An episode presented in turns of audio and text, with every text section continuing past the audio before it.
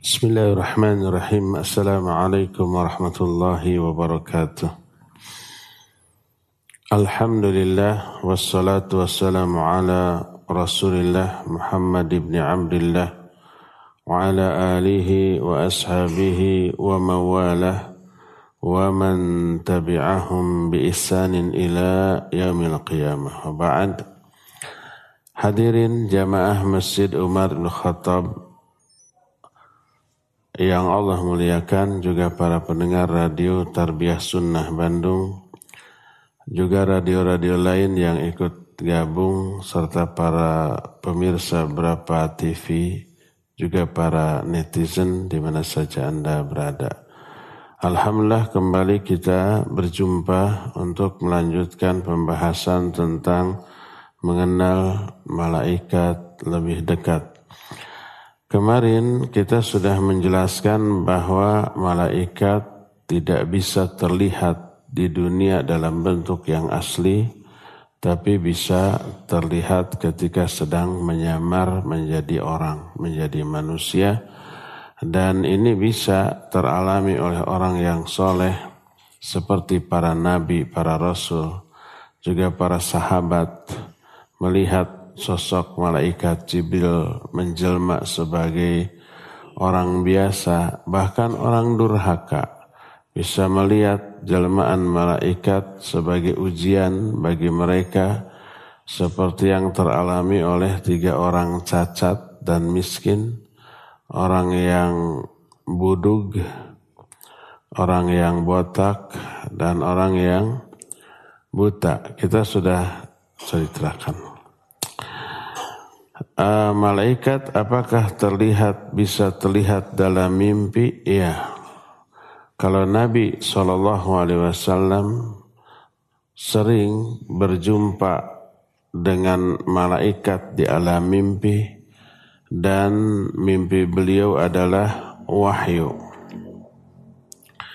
Adapun selain Nabi alaihi salatu wassalam, ia sangat mungkin mimpi melihat malaikat dan berjumpa.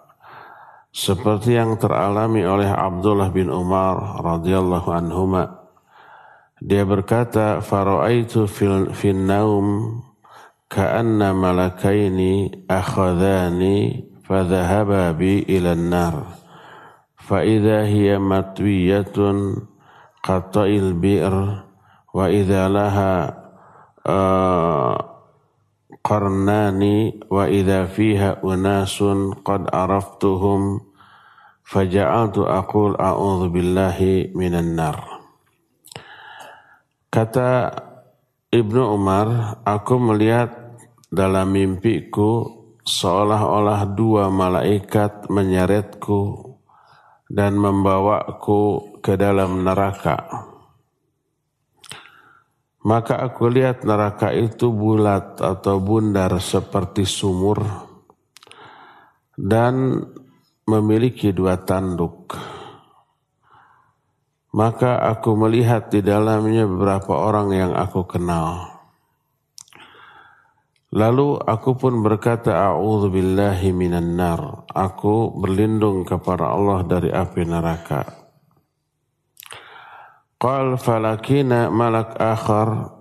Maka aku bertemu dengan malaikat yang lain. Faqala li malaikat itu berkata lam tar'a jangan kamu takut faqasastuha ala hafsah. Faqasatha hafsah ala rasulillahi sallallahu alaihi wasallam. Besoknya aku ceritakan mimpiku ini kepada Hafsah Hafsah ini istri Nabi SAW sekaligus saudaranya adik Abdullah bin Umar. Karena Hafsah putra Umar, Abdullah juga putra Umar. Lalu Hafsah menceritakan mimpi Ibnu Umar ini kepada Rasul Sallallahu Alaihi Wasallam. Lalu berkatalah Nabi Sallallahu Alaihi Wasallam, Nikmar rajul Abdullah bin Umar lau kana yusalli minal lail fakana ba'du la yanamu minal lail illa qalila Kata Nabi SAW sebaik-baik manusia, sebaik-baik orang adalah Abdullah seandainya dia suka sholat malam. Saat itu Ibnu Umar jarang sholat malam. Tapi akhlaknya, ibadahnya luar biasa. Kata beliau, kata Nabi SAW, sebaik-baik orang adalah Abdullah. Seandainya dia suka sholat malam. Sejak saat itu Abdullah bin Umar tidak pernah tidur malam hari kecuali hanya sedikit, hanya sebentar. Beliau terus menjaga sholat malamnya sejak saat itu. Hadis ini diterima uh, diriwayatkan oleh Imam Bukhari dalam Sahih Bukhari Kitab Tahajud bab Fadlu Qiyamil Lail. Berkata Imam Ibnu Hajar wa hadzal hadis yadullu ala imkaniyati ru'yatil malaika fi halin naum li ghairi Nabi alaihi salatu wassalam. Hadis ini menunjukkan memungkinkan malaikat terlihat dalam mimpi selain oleh Nabi sallallahu alaihi wasallam.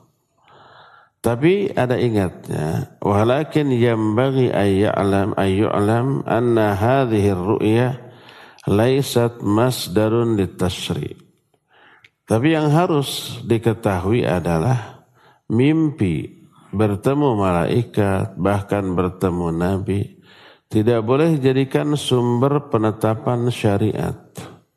Umpamanya berjumpa dengan Nabi di alam mimpi, lalu Nabi mengajarkan ibadah tertentu yang dulu tidak pernah diajarkan, yang tidak ada dalam syariat ini. Maka tidak boleh diamalkan. Karena seandainya Nabi bisa mengajarkan syariat baru dalam mimpinya ke orang yang zaman sekarang, yang dulunya tidak ada, selama hidup beliau tidak mengajarkan, eh setelah mati mengajarkan itu dalam mimpi, berarti ada tambahan ibadah dong. Berarti Islam belum sempurna, padahal Islam sudah sempurna. Termasuk umpamanya berjumpa malaikat dalam mimpi, lalu malaikat memberi wahyu nih, jadi aja syariat, nggak boleh, nggak bisa. Diyakini itu bukan malaikat, tapi setan yang ngaku-ngaku malaikat. Diyakini yang tadi itu bukan nabi, tapi setan yang mengaku-ngaku nabi. Betul, setan tidak bisa menyerupai Nabi SAW walaupun dalam mimpi. Tapi menyerupai orang lain lalu ngaku Nabi bisa? Ya bisa. Sosoknya beda dengan sosok Nabi SAW. Oh saya mimpi ketemu kakek-kakek, rambutnya semua putih, jenggotnya seperut. Dia ngaku Nabi Muhammad terus ngajarkan ini, ini, ini. Pasti bohong, karena Nabi mah rambutnya tidak tidak putih. Beliau masih hitam. Sampai wafatnya ubannya tidak lebih dari 20 helai. Jadi masih apa? Masih putih. Eh masih putih, masih hitam. Putihnya hanya beberapa helai. Nah, tapi di kalangan sufi yang lebay, sering tuh, oh saya bertemu dengan Nabi ngajarkan wirid ini diajarkan. Nabi selama hidupnya nggak akan nggak mengajarkan wirid tersebut. Setelah matinya kok ngajarkan, kan nggak mungkin, ya. Oh, ini ada hadis sahih enggak? Saya nanti malam mimpi dulu ketemu Nabi Musa. Saya tanya ke Nabi sahih apa tidak. Masa nanya hadis sahih atau tidaknya harus kepada Nabi SAW. Ya, di zaman Nabi enggak ada hadis sahih, hadis daif, hadis palsu. Enggak ada. Ilmunya saat itu belum dirumuskan. Istilah hadis sahih, hasan, daif, maudhu itu istilah yang dibuat oleh para ulama ahli hadis setelah kematian Nabi saw beberapa puluh tahun. Untuk apa? Untuk menyortir mana hadis yang benar, mana yang salah. Ya. Nah, jadi itu sudah kita bahas di pertemuan yang lalu. Nah, sekarang Apakah malaikat mati? Berkata muallif min azamatillah wa kamali rububiyatihi tafarruduhu azza wa jalla bil baqa. Di antara keagungan Allah dan kesempurnaan sifat rububiyah Allah adalah Allah infirad dalam hal keabadian. Maksud infirad itu menyendiri, hanya Allah yang abadi. Selain Allah tidak ada yang abadi. Selain Allah mati, termasuk malaikat, iya. Allah berfirman dalam Al-Qasas 88 wala tad'u ma'allahi ilahan akhar. La ilaha illahu. Kullu syai'in halikun illa wajhah.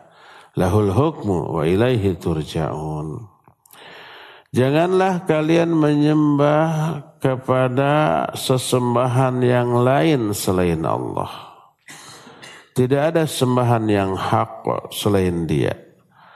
Segala sesuatu akan binasa, akan mati, kecuali wajah Allah.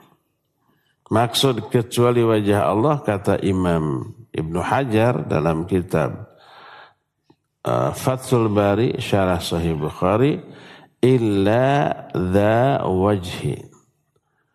Semua akan mati kecuali sang pemilik wajah, yaitu Allah.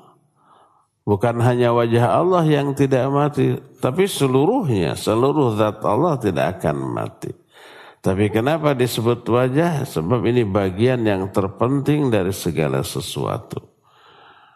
Segala sesuatu akan binasa illa wajah kecuali wajahnya, maksudnya kecuali sang pemilik, pemilik wajah. Itu Allah subhanahu wa ta'ala. Allah punya wajah, iya. Ini Al-Quran. Tapi wajah Allah laisa kamithlihi syai'un. Tidak ada yang menyerupai dari kalangan makhluknya. Wajah makhluk dengan makhluk aja bedanya. Wajah kita seperti ini. Wajah belalang, wajah lalat beda lagi. Wajah uncal, wajah, wajah uncal apa uncal teh? Wajah ular beda lagi. Makhluk dengan makhluk wajahnya sudah beda. Apanya yang beda? Semuanya. Bahannya, fungsinya, bentuknya, ukurannya, semuanya beda. Apalagi dengan Allah. Laisa kamithlihi syai'un. Tapi wajib kita yakini Allah punya wajah. Jangan sampai ditolak karena otak. Wah kalau Allah punya wajah serupa dong dengan makhluk. Kita balikan. Kalau Allah nggak punya wajah, apa nggak serupa dengan makhluk? Ada makhluk yang nggak punya wajah? Ada makhluk yang nggak punya wajah? Banyak. Nih kitab nggak punya wajah. Nih handphone nggak punya wajah. Tuh tumbuh-tumbuhan nggak punya wajah. Banyak makhluk yang nggak punya wajah. Bahkan lebih hina dibanding yang punya wajah. Jangan pakai otak dalam memahami asma dan sifat Allah. Pakai ayat keterangan tentang Allah dari Allah, yakini lalu yakini juga bahwa sifat Allah nggak ada yang sama dengan sifat makhluk. Kalimat yang menyatakan kullu syai'in halikun illa wajah. Segala sesuatu akan binasa kecuali wajah Allah, artinya sang pemilik wajah yaitu Allah menjadi dalil bahwa selain Allah pasti binasa. Selain Allah mati. Termasuk para malaikat sumuhun. Dalam surah Ar-Rahman 26 27 Allah berfirman kullu man 'alaiha fan wa yabqa wajhu rabbika dzul jalali wal ikram. Segala sesuatu yang ada di alam jagat ini pasti akan binasa dan abadilah wajah Rabb yang memiliki kemuliaan dan keagungan. Ketika menafsirkan ayat ini berkata Imam Ibnu Katsir rahimahullah. Yukhbiru ta'ala anna jami'a ahli al-ard sayadhhabun wa yamutun ajma'un. Wa kadzalika ahlu samawati illa ma syaa Allah wa la yabqa ahadun siwa wajhil wajhil karim fa inna ar-rabb ta'ala wa taqaddasa la yamut bal huwal hayyul ladzi la yamutu abada. Kata Imam Ibnu Katsir, dalam ayat ini Allah memberitahukan bahwa seluruh penduduk bumi akan musnah dan mati. Semuanya. Demikian juga penduduk langit. Penduduk bumi ya ada kita, ada binatang, ada jin, ada malaikat. Ada malaikat di bumi ada. Malaikat penjaga gunung ada, penjaga lautan ada, penjaga hutan ada, semuanya ada. Mati semua. Demikian juga yang ada di langit itu para malaikat. Kecuali beberapa makhluk yang dikecualikan. Nanti dibahas siapa mereka. Tak ada sesuatu pun yang abadi selain wajah Allah yang mulia. Karena Allah Azza wa Jalla tidak akan pernah mati. Bahkan dia tetap hidup yang tidak disertai kematian. Kita sudah jelaskan kehidupan Allah sempurna. Makna sempurna, Allah hidup selamanya tidak ada awalnya, tidak ada akhirnya. Terus selama hidupnya tidak pernah mengalami perubahan apalagi penurunan. Kalau kita hidup kita kan nggak sempurna, awalnya tidak ada, akhirnya nanti mati. Selama hidup berubah dari kecil, besar, ya, gagah, terus menua, peot, lemah, mati. Selama hidup walaupun lagi muda, lagi sehat, lagi kuat-kuatnya, mengalami kelemahan, kelelahan, sakit gitu kan. Nggak sempurna lah hidup kita. Kalau Allah mah tidak. Dari awal tidak ada awalnya. Tidak ada akhirnya. Selama hidupnya tak pernah menderita, tak pernah sakit, tak pernah melemah dan seterusnya. Allah zat yang maha hidup dan tak akan pernah mati selama-lamanya. Itu perkataan Imam Ibnu Katsir rahimahullah. Ketika menerangkan surah Az-Zumar ayat 68. Di ayat itu Allah berfirman, "Wa nufikha fis sur." Fasu'iqa man fis samawati wa man fil ard illa man syaa Allah thumma nufiha nufikha fihi ukhra fa idza hum qiyamun yanzurun ditiuplah sangkakala. Ini tiupan pertama. Kita sudah jelaskan sebagian ulama ahlus sunnah menyatakan yang meniup itu malaikat Israfil. Tapi sebagian lagi tidak. Karena tak ada keterangan ayat atau hadis sahih yang menjelaskan bahwa yang meniup itu malaikat Israfil tidak ada. Ada hadis tapi dhaif diriwayatkan Imam Ibnu Jarir Al-Tabari. Makanya sebagian ulama ahlu sunnah ada yang menyatakan yang meniup adalah Israfil. Ditiuplah sangkakala maka matilah semua yang ada di langit dan yang ada di bumi.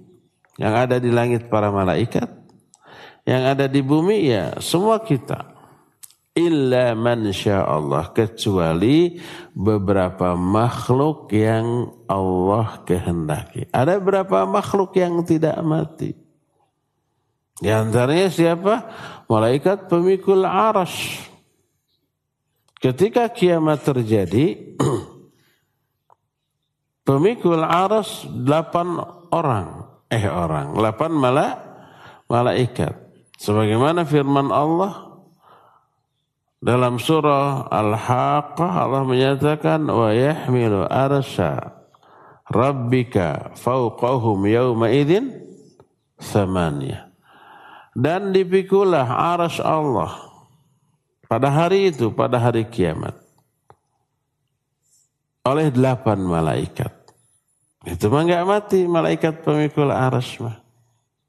Kalau mati, maka nggak ada yang memikul. Nah, jadi salah satunya itu. Thumma nufikha fihi ukhra. Lalu ditiup yang sekali lagi.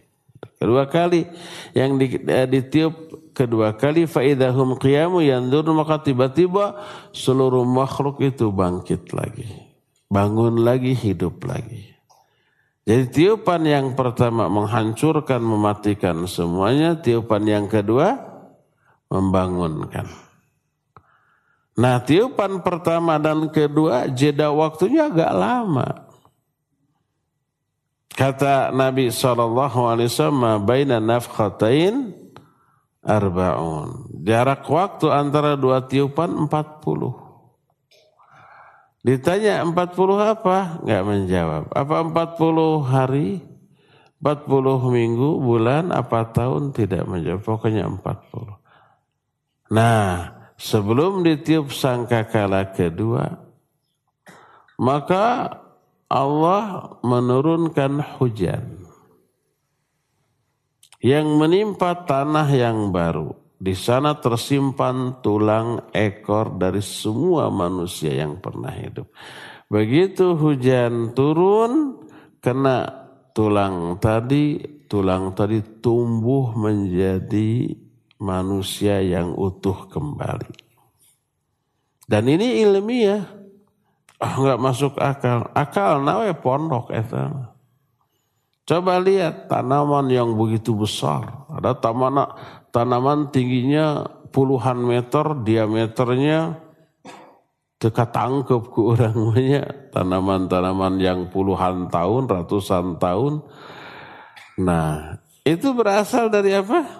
Biji kecil. Biji kecil ditanam, lalu kena air hujan tumbuh menjadi batang pohon. Oleh para ahli biologi itu biji itu diteliti, dibelek. Ternyata di dalam biji yang kecil terkandung seluruh bahan pembentuk pohon.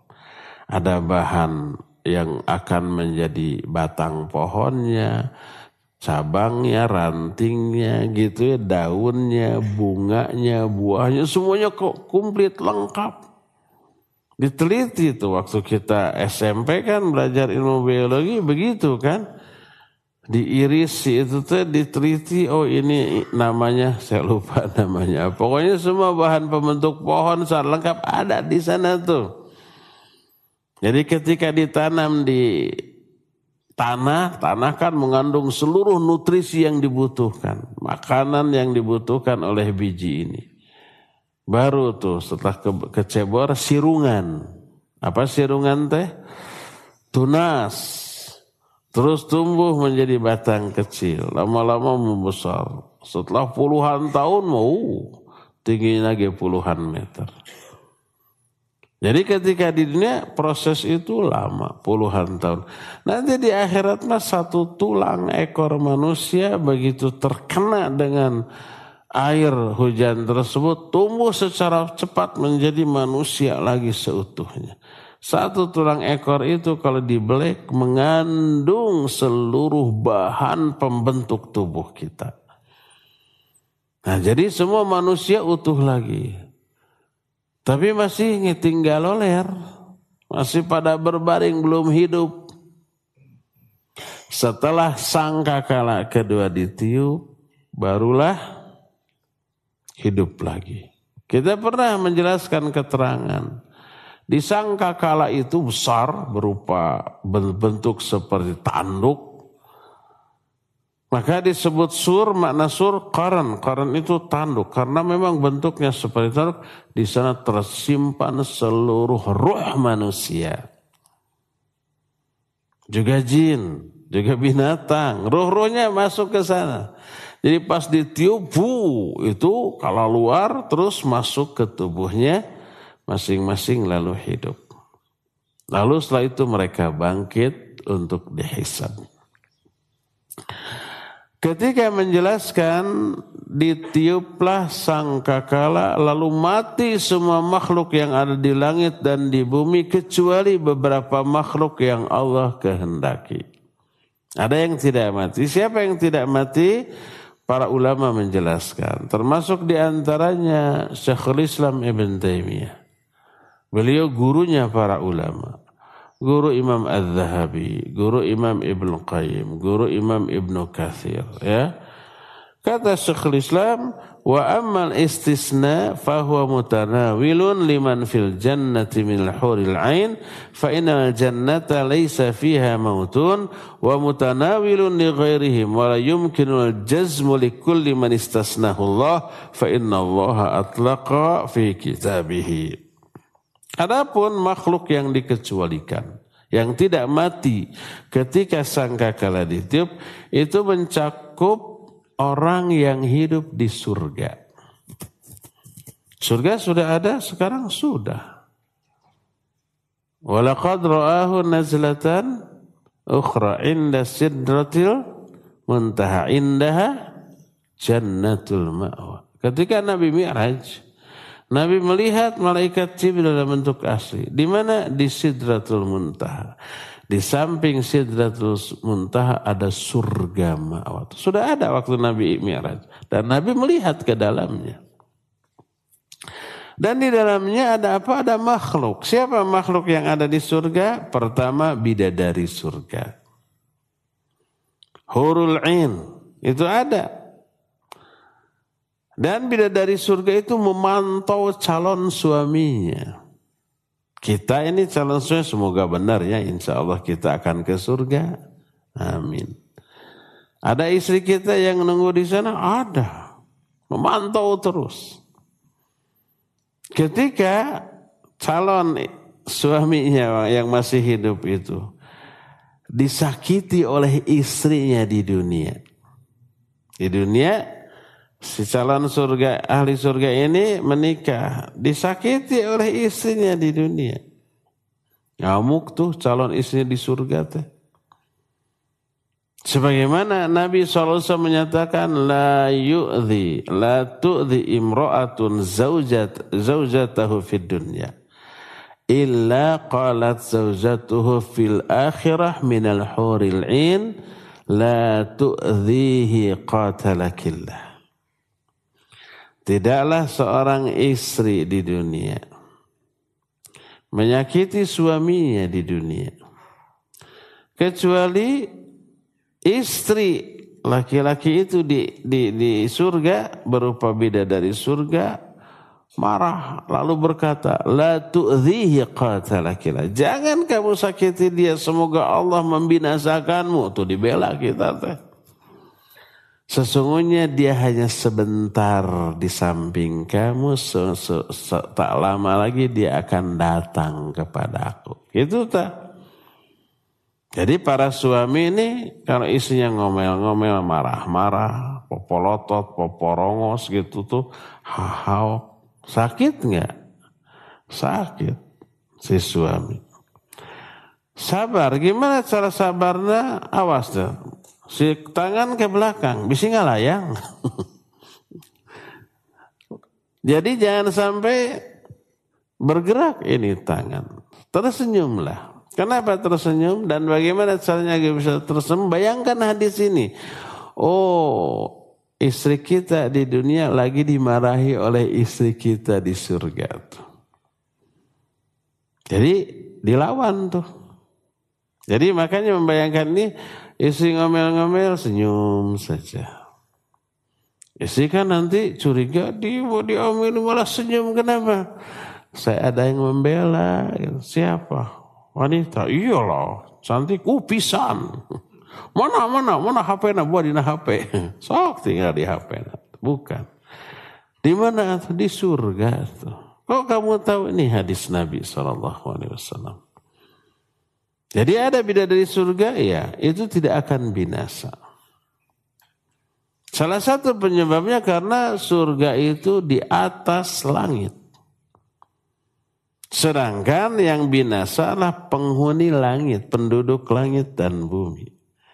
Surga, aras itu di atas, aras itu di atas langit. Di atas langit ketujuh ada kursi, di atas kursi ada aras. Sedangkan yang binasa penduduk langit saja.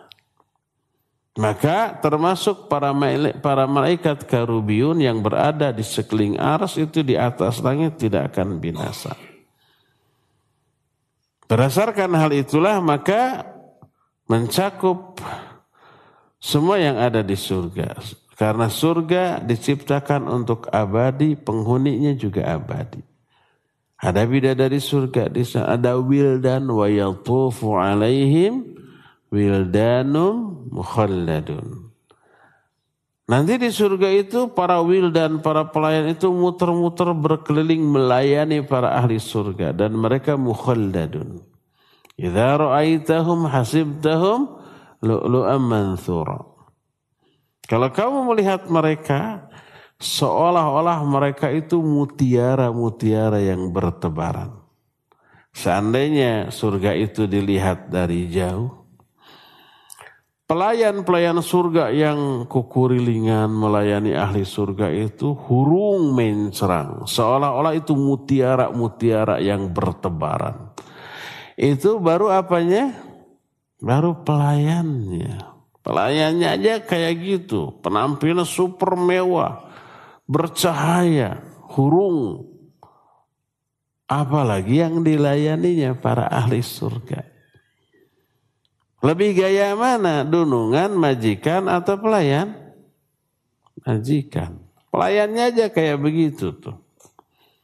Nah, termasuk para malaikat yang ada di surga, para malaikat yang ada di neraka, yang ditugaskan. Ada malaikat yang ada di surga? Ada. Apa tugasnya? Membangun rumah. Rumah di surga. Ulah siga rumah di dia. Oh tuh kalah lotor. Ih di dia mah iya. Di itu mah enggak. Istana. Menanam pohon. Sehingga tidaklah seorang hamba membangun sebuah masjid karena Allah di dunia kecuali Allah akan bangunkan bagi dia rumah di surga. Siapa yang membangunnya? Para malaikat atas perintah Allah. Siapa orang yang memelihara salat 10 rakaat atau 12 rakaat, salat rawatib, Allah akan bangunkan sebuah istana bagi dia di surga. Tuh, banyak tuh. Siapa orang yang tasbih, tahmid, takbir, Allah akan uh, tanamkan satu pohon di surga. Begitu, diproses terus. Siapa yang memprosesnya? Para malaikat. Mereka abadi, kekal, tidak mati dengan ditiupnya apa? Sangkakala. Ya, itulah penjelasan para ulama siapa yang tidak mati ketika, ketika pertama kali sangkakala ditiup pada hari kiamat. Semua binasa yang di langit, yang di bumi, kecuali beberapa makhluk. Yaitu yang ada di surga, yang ada di neraka, yang ada di sekeliling aras, para malaikat pemikul aras. Sebab itu mah di atas langit, bukan di langit. Di atas.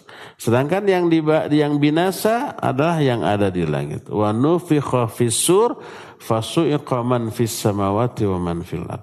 Ditiup sangkakala maka binasalah siapa yang ada di langit dan siapa yang ada di bumi. Adapun yang di atas langit tidak tidak binasa. Berkata Imam Ibnu Katsir rahimahullah ketika menerangkan ayat tadi. Nafkhatu hiya thaniyah wa hiya nafkhatu sa'iq وهي التي يموت فيها الأحياء بها الأحياء من أهل السماوات والأرض إلا من شاء الله كما جاء مصرحا في به مفسرا في حديث السورة المشهور ثم يقبض أرواح الباقين حتى يكون آخر من يموت ملك الموت. wa yanfaridul hayyul الذي كان kana awwalan wa huwal baqi akhiran wal baqa kata Imam Ibnu Katsir tiupan sangkakala ini adalah tiupan yang membuat semua yang bernyawa mati dari kalangan penduduk langit dan penduduk bumi kecuali beberapa makhluk yang Allah kecualikan, yang Allah kehendaki, sebagaimana diterangkan dan ditafsirkan dalam hadis tentang ditiupnya sangkakala tadi. Kemudian Allah menggenggam beberapa ruh makhluk tertentu sampai yang paling akhir makhluk yang mati adalah malakul maut. Imam Al-Qurtubi dalam kitab At-Tadhkirah menerangkan salah satu yang tidak mati ketika sangka kala ditiup adalah tiga malaikat.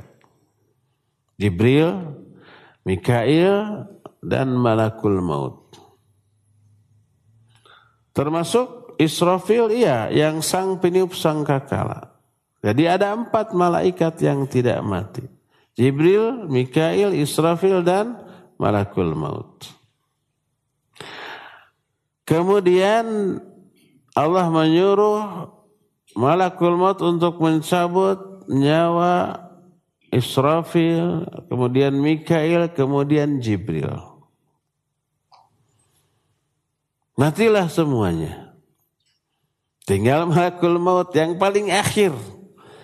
Akhirnya Allah menyuruh malakul maut untuk mencabut nyawanya sendiri, kemudian dicabutnya nyawa mati. Semuanya mati, tak ada makhluk yang hidup. Lalu Allah menyatakan ana malik, ana dayyan, aina mulukul arab.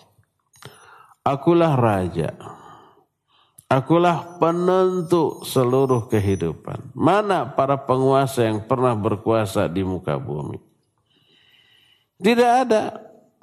Hanya yang satu-satunya tidak pernah mati hanyalah Allah. Malaikat Jibril mati, iya. Lalu setelah itu Allah menghidupkan lagi malaikat pe, peniup sangkakala setelah dihidupkan dia suruh meniup maka bangkit lagi lah seluruh makhluk yang sudah mati tersebut. Ketika ditanya apakah malaikat itu mati berkatalah Syekhul Islam Ibn Taimiyah walladhi alaihi aktsarun nas anna jami'al khalqi yamutun hatta al malaika wa hatta malakul maut.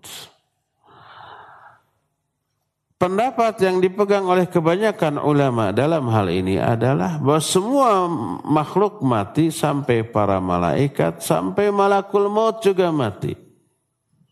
Wallahu subhanahu qadirun ala ayyumitahum thumma yuhyihim kama huwa qadirun ala imatatil bashar wal jin thumma ihya'uhum. Allah berkuasa mampu mematikan semuanya dan menghidupkan kembali. Sebagaimana Allah telah mematikan seluruh makhluk jin dan manusia lalu dihidupkan kembali. Allah berfirman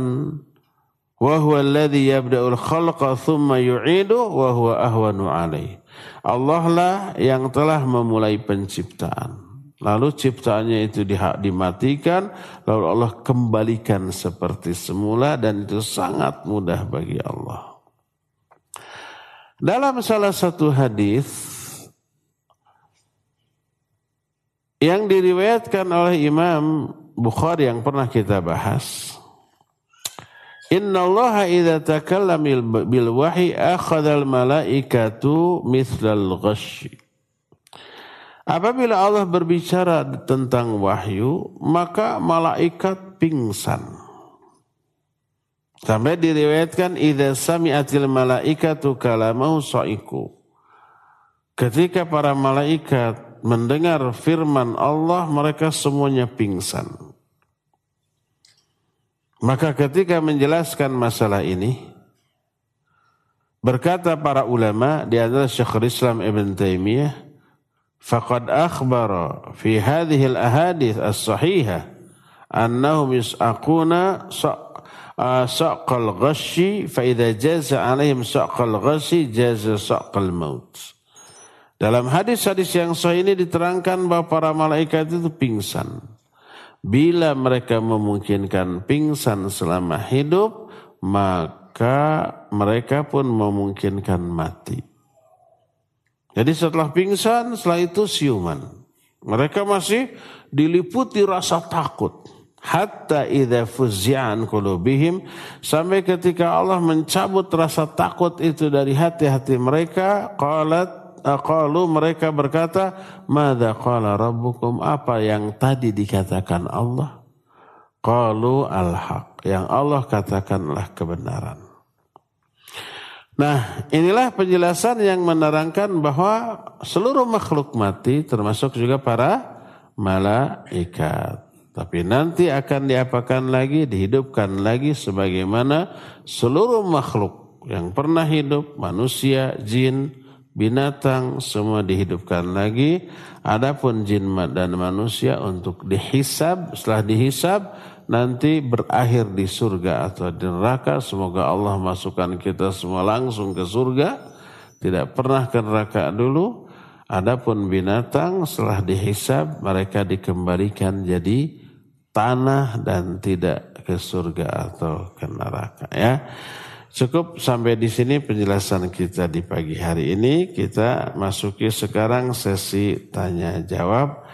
Seperti biasa, kita ke studio saja dulu. Muzain, silakan. Nah, Ustaz, uh, ada pertanyaan dari Yuda di Baros. Bismillah, Assalamualaikum warahmatullahi wabarakatuh. Apakah setelah tiupan pertama malaikat dihidupkan kembali? Apakah setelah tiupan pertama malaikat langsung dihidupkan kembali? Tidak langsung. Tadi sudah diterangkan prosesnya. Setelah tiupan pertama ada beberapa makhluk yang tidak mati. Di antaranya beberapa malaikat yang tadi. Yaitu Jibril, Mikail, Israfil dan Malakul Maut.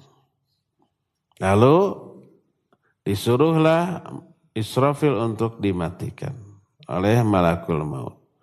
Lalu Mikail, lalu Jibril, yang terakhir adalah malakul maut.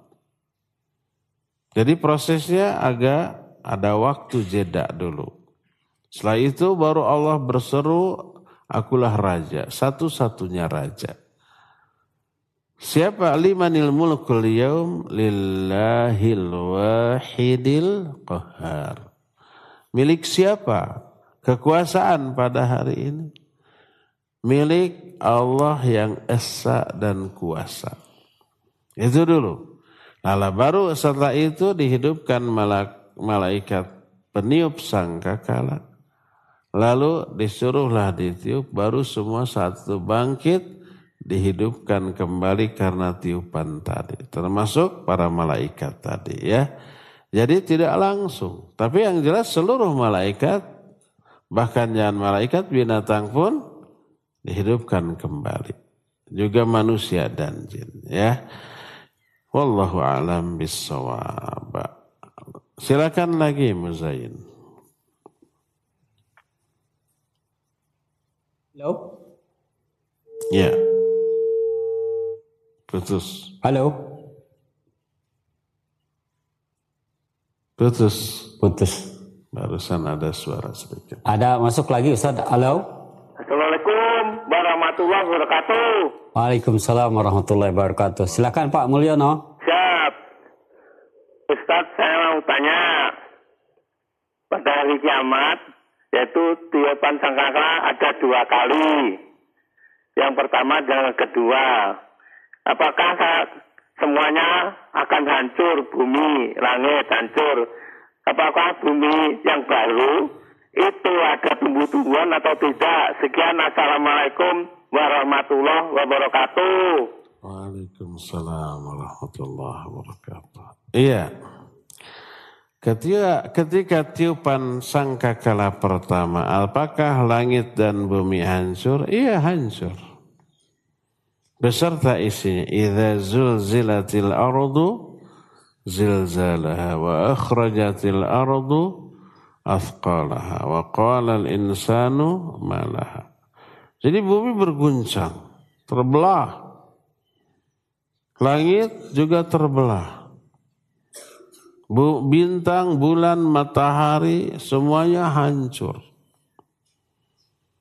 Sehingga tidak ada lagi tempat untuk bisa hidup bagi makhluk hidup. Makhluk hidupnya juga mati semuanya. Hancur saja sudah. Nah setelah itu di mana nanti manusia dibangkitkan di bumi dan langit yang baru. Di bumi tersebut belum pernah diinjak, belum pernah tertetesi darah makhluk karena kezaliman. Bumi yang disebut al-ardul muqaddasah. Bumi yang suci. Datar tidak ada pohon, tidak ada bangunan, tidak ada gunung, tidak ada yang cembung, tidak ada lubang, datar rata putih, dan suci karena belum pernah dilakukan satu kesalahan atau dosa pun kejahatan pun uh, di bumi tersebut. Itu yang baru. Bumi yang baru. Apakah nanti surga di sana beda lagi kalau surga mah, ya? Surga sudah ada, sudah ada dan itu tidak hancur. Nah, oleh karena itulah maka nanti bumi yang menjadi tempat dibangkitkannya kembali manusia itu bumi yang baru. Ada langit yang baru yang berbeda keadaannya dengan bumi yang ada di, di sekarang di alam dunia ini. Alam, bumi yang ada sekarang hancur sudah. Langit juga hancur, bulan, bintang semuanya juga matahari semuanya hancur. Walaupun nanti apa namanya bulan dan matahari akan diciptakan lagi, iya. Untuk apa? Nah, sebagaimana pernah keterangan kita bahas, nanti juga akan dibahas lagi bahwa matahari dan bulan pun akan dimasukkan ke dalam neraka. Menunjukkan matahari bulan itu nanti akan diciptakan lagi. Apa salahnya matahari dan bulan kok sampai dicip, di, di, dimasukkan ke dalam neraka? Kan matahari panas nate pisannya. Masuk neraka atau mal kerasa. Iya betul. Matahari, bulan dimasukkan ke dalam neraka bukan siksaan bagi mereka, tapi siksaan psikis kepada para penyembah matahari dan bulan. Matahari dan bulan kan ada yang menyembah ya. Musyrik ya jelaslah musyrik. Seperti kaum Sabah dahulu ya menyembah matahari. Orang Jepang menyembah matahari ya agama Sinto namanya, itu menyembah matahari. Nah, ketika matahari yang mereka sembah juga ternyata dimasukkan ke dalam neraka, itu tambahan siksa secara psikis. Udu yang kita agung-agungkan dia masuk neraka. Matahari bulan nama nggak merasa tersiksa apa-apa karena mereka benda mati yang tidak memiliki rasa panas. Apalagi matahari itu sendiri sumber panas yang luar biasa dahsyatnya ya. Demikian wallahu alam bisawab. Bapak-bapak ada yang mau? Iya, silakan.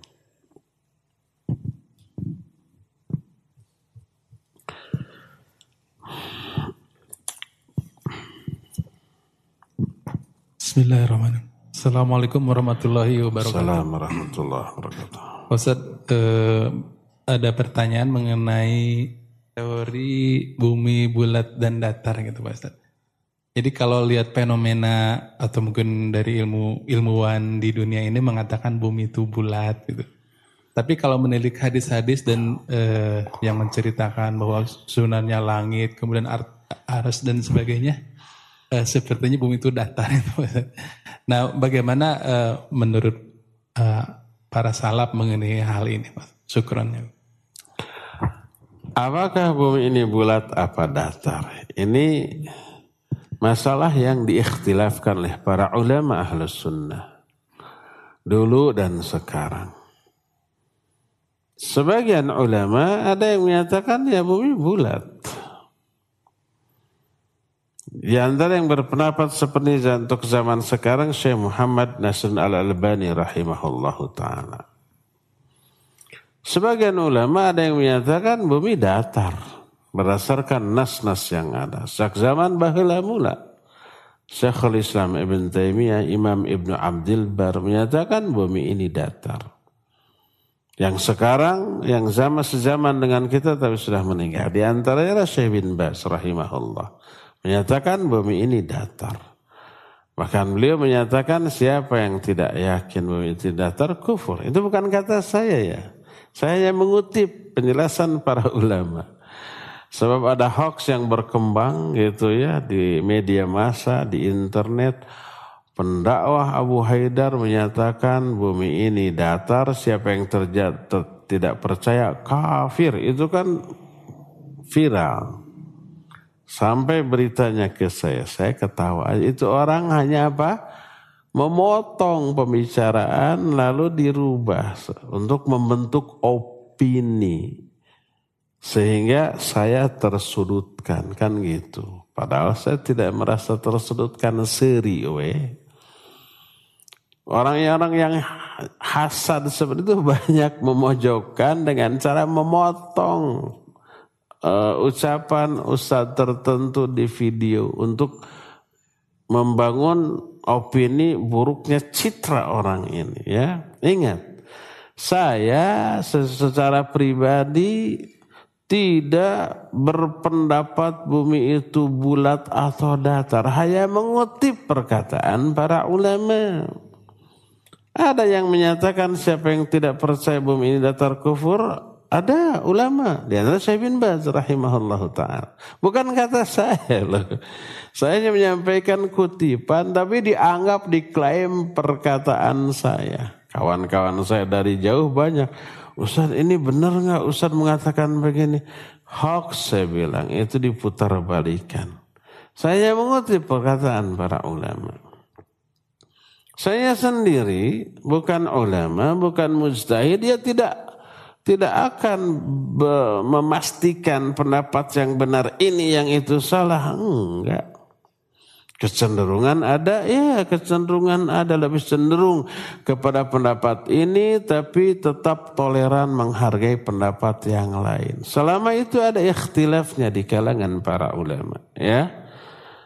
Nah, ya didasarkan kepada nas yang ada. Ayat, hadis, termasuk saya punya grup WhatsApp teman-teman SMA. Video potongan saya itu dikutip di sana, di di di apa di upload. Itu teman-teman saya itu banyak yang nyerang, gitunya. Saya jelaskan, itu kutipan yang saya kutip tentang pendapat para ulama. Saya sendiri tidak berpendapat. Dan saya maaf apa atuhnya. Itu biarlah ranah para ulama, para mujtahid ya. Kecenderungan ke satu pendapat ada, cenderungnya ke mana? Ke, kecenderungnya ke bumi datar. Di sana banyak yang bantah. Ada tuh pilot orang Arab menyatakan keliling. Benar nggak? Ternyata kesimpulannya bulat gitu ya. Terus ada apa namanya simulasi internet. Kalau bumi datar, kumaha eh, per, apa namanya perubahan siang dan malamnya. Sebenarnya ada itu kalau mencari ya simulasi eh, melalui teknologi IT gitu. Bagaimana perubahan siang malam kalau bumi ini datar bisa dijelaskan secara logika secara rasional, secara akal dan seterusnya. Tapi yang jelas ini ikhtilaf para ulama. Di kalangan ulama ahlus sunnah ikhtilaf. Ada yang menyatakan datar, ada yang menyatakan bulat. Sudah, biarkan seadanya. Boleh kita cenderung kepada satu pendapat, jangan memojokkan pendapat yang lain. Sudah. Jangan memojokkan orang yang berbeda dengan pendapat kita ya. Sudah, toleran saja. Silakan yakini satu pendapat yang menurut kita lebih kuat dan tetap toleran menghargai pendapat yang tidak kita ambil ya. Wallahu a'lam bissawab. Ibu-ibu di belakang ada? Ya, sekali lagi ke Muzain silakan. Ya, ini ada pertanyaan Ustaz. Ya. Uh, dari saya dari Umu Daud izin bertanya, sekarang marak sekali kasus KDRT yang dilakukan suami terhadap istrinya sehingga tidak sedikit istri yang harus ke rumah sakit bahkan meninggal oleh ulah suami. Apakah suami seperti ini masih dibela dibela oleh malaikat istri di surga? Barakallahu fik. Kalau suami yang kayak gitu buat ke surga buah mualnya. Boleh nggak suami memukul istri? Boleh. Kalau alasannya syar'i. Kata siapa? Kata Al-Quran dan hadis yang sahih. Mana ayat Al-Quran yang membolehkan suami memukul istri? Surah An-Nisa ayat 34. Allah berfirman, wallati takhafuna nusyuzahunna fa'idhuhunna wahjuruhunna fil madaji wadribuhunna. Tuh, ini ayat. Kata Allah dan wanita-wanita yang kalian khawatirkan mereka akan durhaka. Ini wanita yang mendurhaka. Faizuhunna didik mereka. Nasihati gitu ya. Kalau dididik dinasihati tidak nurut juga wahjuruhunna fil madhajib. Pisah tempat tidur. Jangan tidur bareng, makan ditambah dengan dimusuhi, dihajar. Bukan hajar bahasa Indonesia, hajar bahasa Arab. Dimusuhi, la dimuha wa la. Kata Ibnu Abbas. Tidak ditegur, tidak disapa, tidak diajak bicara, didiamkan. Kalau didiamkan juga tetap saja durhaka, maka wadribuhunna. Pukul mereka. Nah ini ayat loh. Tapi ada batasan dalam hadis. Pertama, tidak boleh memukul wajah. La tadribil wajah Bagian wajah, bagian kepala tidak boleh. Pukul bagian lain. Kedua, tidak boleh berbekas. Dengan umpamanya digampar dengan tangan plek sampai jari-jari teh tapakan. Itu nggak boleh, itu zolim. Atau bukan hanya wajah, umpamanya tangan, kaki atau punggung plek ada tapakan. Pakai jurus apa uh, telapak tangan apalah gitu. Nggak boleh. Sebagian ulama menyatakan pukulah dengan siwak. Batang siwak itu cuma paling sejengkal. Nggak boleh berbekas. Apalagi cacat seumur hidup. Kalau pukulannya seperti itu, tidak akan bisa dituntut ke pengadilan ke polisi. Karena kalau ada wanita yang lapor ke polisi, saya mengalami KDRT oleh suami. Maka kalau mau dibawa ke pengadilan harus ada bukti visum dari dokter. Mana bekas pukulannya ditinggali? Mana ya? Tuh ayah ya nggak bisa, nggak bisa diproses. Kalau nggak ada bekas, ya kecuali ada bekas sampai bengkak, apalagi sampai telapak tangan yang ada capnya di sini nih sampai hitam gitu sampai membiru hmm, divisum oleh dokter oh ya ini bekas pukulan baru bisa diproses jadi pukulannya bukan untuk menyakiti untuk mendidik oleh karena itu dibolehkan kalau alasannya syar'i karena kedurhakaan si istri ya Istri yang durhaka begitu ya biasanya kalau dinasihati nembalaan malik-malikin ya. Dibiarkan oh tambah atau dipukul nangkis terus pasang kuda-kuda. Oh. Nah, yang begini nih yang akan di apa dimarahi oleh beda dari surga. Adapun kalau umpamanya si suami berbuat salah, ditegur oleh istri, dinasihati malah tambah marah, baru dia mukul KDRT, ya. Polisi kan gitu lapor. Umpamanya mukulnya tuh ada bekasnya. Udah ke polisi ini bekasnya, divisum. Oke, sampai ke pengadilan. Ini zolim. Yang salah suami ditegur nasihati malah ngambak sampai ke rumah sakit, apalagi sampai ke rumah sakit jelas ada bukti KDRT, apalagi sampai mati. Ya tahanlah yang seperti itu. Apakah suami sebenarnya akan dibela oleh wanita surga? Bororah dibela, buat buat malah surga. Dah zolim suami yang kayak begitu, ya. Jadi kalau uh, suami melakukan KDRT karena kezoliman, ya tentu saja tidak akan ada yang membela, dipuas-puas ya. Tahan penjara kadinya gitu ya. Itu baru di dunia di akhirat gimana ada azab tentu saja azab berbuat dolim kepada istri ya memukul bahkan jangankan memukul memarahi tapi kadar kemarahannya melebihi kadar kesalahan istri. Istri salah. Tapi dimarahi melebihi kadar kesalahan itu dolim, itu dosa. Ada seorang uh, sahabat, ya Rasulullah, hamba saya, saya budak-budak saya itu sering kali melakukan kesalahan yang buat saya marah. Saya sering hukum mereka, saya marahi mereka. Gimana saya dosa atau berpahala? Kata Nabi SAW, kalau hukumanmu melebihi kadar kesalahannya, maka kamu dosa. Kalau hukumanmu di bawah kadar kesalahan mereka, salahnya besar tapi hukumannya ringan, kamu pahala. Kalau hukuman setimpal dengan dosa, eh, dengan kesalahan, kamu tidak berpahala, tidak dosa. Gitu. Jadi kalau memberi hukuman boleh, boleh. Harus setimpal dengan kesalahan.